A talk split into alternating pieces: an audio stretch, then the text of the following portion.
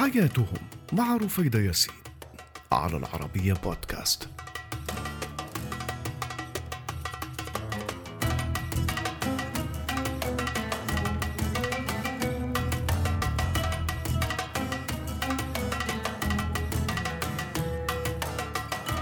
مرحبا أنا رفيدة ياسين وهذه هي حياتهم على العربية بودكاست.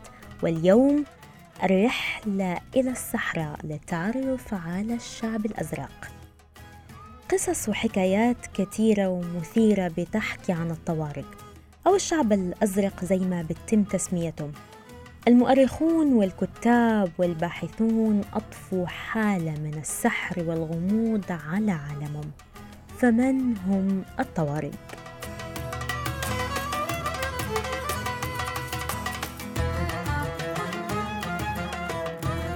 الطوارق شعب من الأمازيغ البربر وهم مجموعة من الرحل بيعيشوا في مساحة شاسعة من الصحراء الأفريقية بتمتد من موريتانيا في الغرب إلى تشاد شرقا وبتشمل الجزائر وليبيا والنيجر وبوركينا فاسو ومالي اللي بيطلق عليها منطقة الطوارق باسم أزواد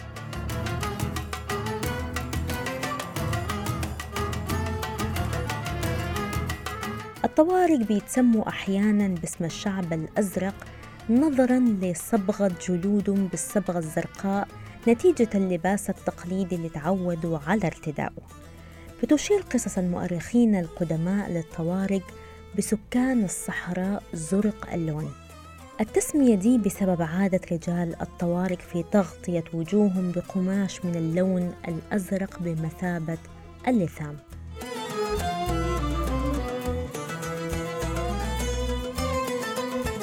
الطوارق زي البدو تعودوا على الترحال بقوافلهم المكونة من قطعان الإبل في سائر مناطق الصحراء الأفريقية الكبرى ودول الساحل الأفريقي دون الاكتراث بالحدود بين الدول دي.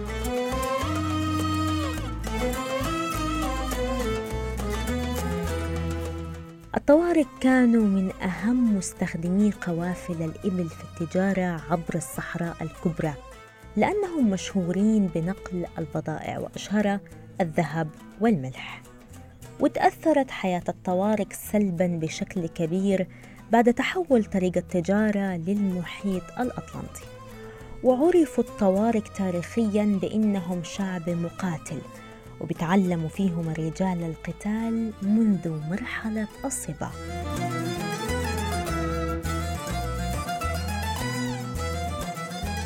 ومن عادات رجال الطوارق إنهم بيحملوا معاهم في ترحالهم سكاكين وسيوف وخناجر ورماح كجزء من ثقافتهم وسبق للطوارق إنهم خاضوا معارك وانتفضوا على حكومات زي مالي وتشاد والنيجر وغيرها من البلدان وهم بيطالبوا بإنهاء التهميش اللي بيمارس بحقهم وبحصة أكبر من عوائد بيع المعادن الثمينة اللي بتسخر بها دول المنطقة.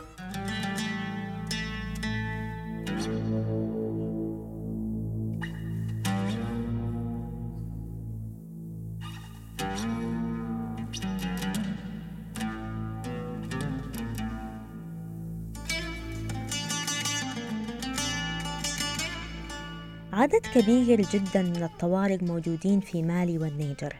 وما زالت مجموعات منهم موجودة في جنوب ليبيا. الطوارق عندهم حلم قديم متجدد بإقامة دولتهم الخاصة وبيطلقوا عليها اسم أزوات.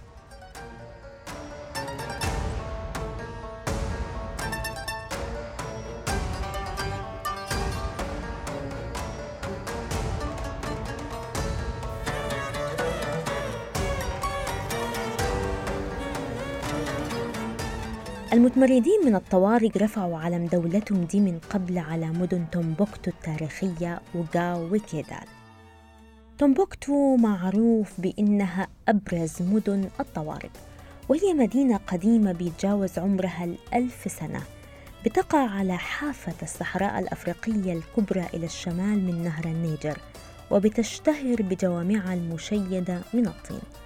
وتومبوكتو بتشتهر بكونها مركز ثقافي وقبلة للعلوم الإسلامية لأنها بتحتفظ مكتبات الستين بسبعمائة مخطوطة تاريخية على الأقل.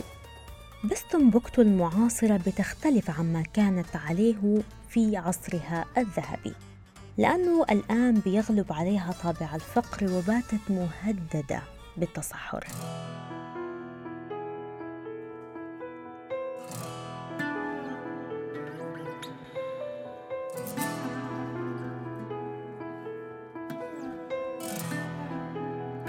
الطوارق بيطلقوا على نفسهم اسم إيموهاج والتسمية دي بتعني الرجل الحر.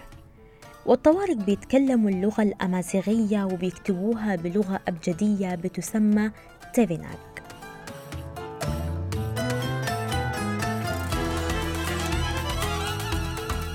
في الماضي كان الطوارق بينقسموا لرعاة ومزارعين وتجار بس التجار هم اللي بينظر ليهم على إنهم من كبار القبيلة أو من المجموعات اللي بيتم التعامل معاهم على إنهم من المرتبة العليا في المجتمع اللي عندها شأن ومكانة.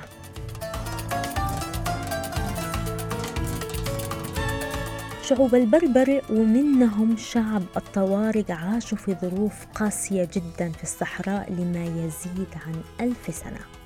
بس حياتهم بدأت تتغير وتتطور وتلبس شكل آخر من ملامح الحياة العصرية مع مرور السنوات.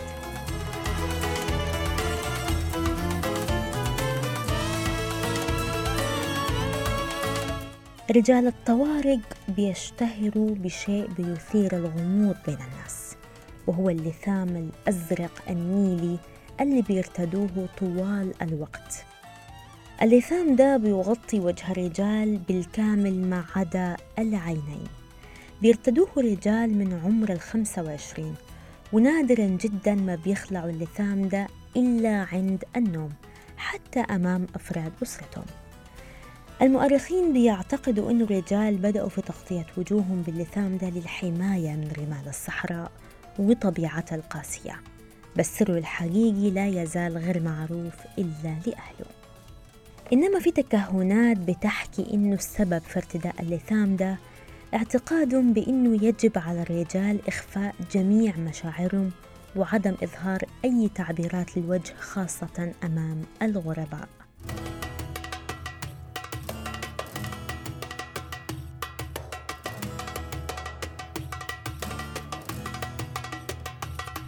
الرجال رغم قوتهم إلا أنهم بيكتبوا قصائد حب رقيقة للنساء وبيحاولوا استمالة قلب المرأة بعدة طرق مختلفة لأنه قرار الزواج من شخص بيعود للمرأة نفسها اللي عندها مكان ومكانة في مجتمع الطوارق وإذا ما اختارت المرأة في شعب الطوارق الزواج بيبتدوا التحضير للزفاف وهو مناسبة بتستغرق أسبوع كامل من إقامة الاحتفالات المختلفة.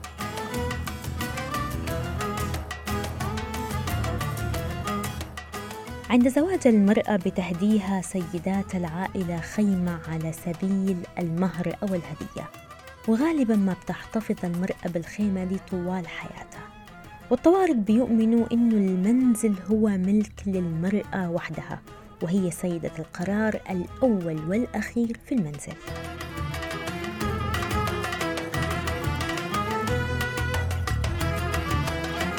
المرأة عند الطوارق بتملك أيضا جميع المواشي الموجودة عند العائلة لأن الرجال غيابهم بيطول والترحال من عاداتهم ويمكن اختفوا لأشهر من منازلهم.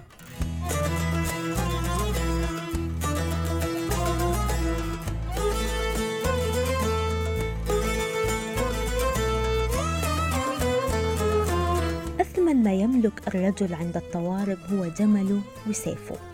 ودي بتكون طريقته في حمايته خلال ترحاله المتكرر. الطوارق بيعيشوا في بيوت أقرب للخيام لحمايتهم من رمل الصحراء وبيحافظوا على نمط حياة مختلف. والطوارق شعب منفتح ويؤمن بأهمية تعليم جميع أفراد القبيلة. وبيتعلم الأطفال القراءة والكتابة وتعاليم القرآن منذ الصغر.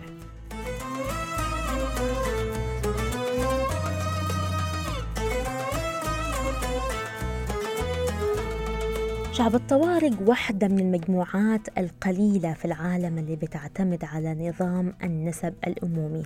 يعني بيرجع نسب الطفل لأمه وليس لأبيه. وده بيؤكد مكانة المرأة الكبيرة عند الطوارق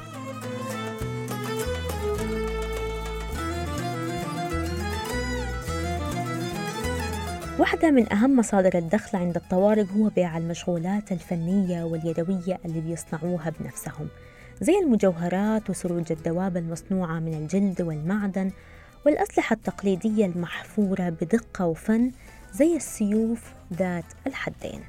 ده غير الخناجر المغلفة والرماح الحديدية والدروع الجلدية.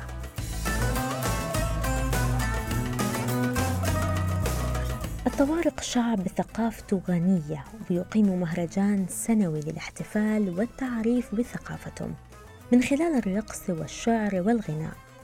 حياة الطوارق مغلفة بالكثير من الأسرار والغموض وحياتهم البسيطة غنية بالتفاصيل وعندها تأثير كبير على الشعوب الأخرى. وبيتم التعامل معهم على إنهم ثقافة قائمة بذاتها ويجب الحفاظ عليها من الاندثار ببساطة لأن هذه هي حياتهم.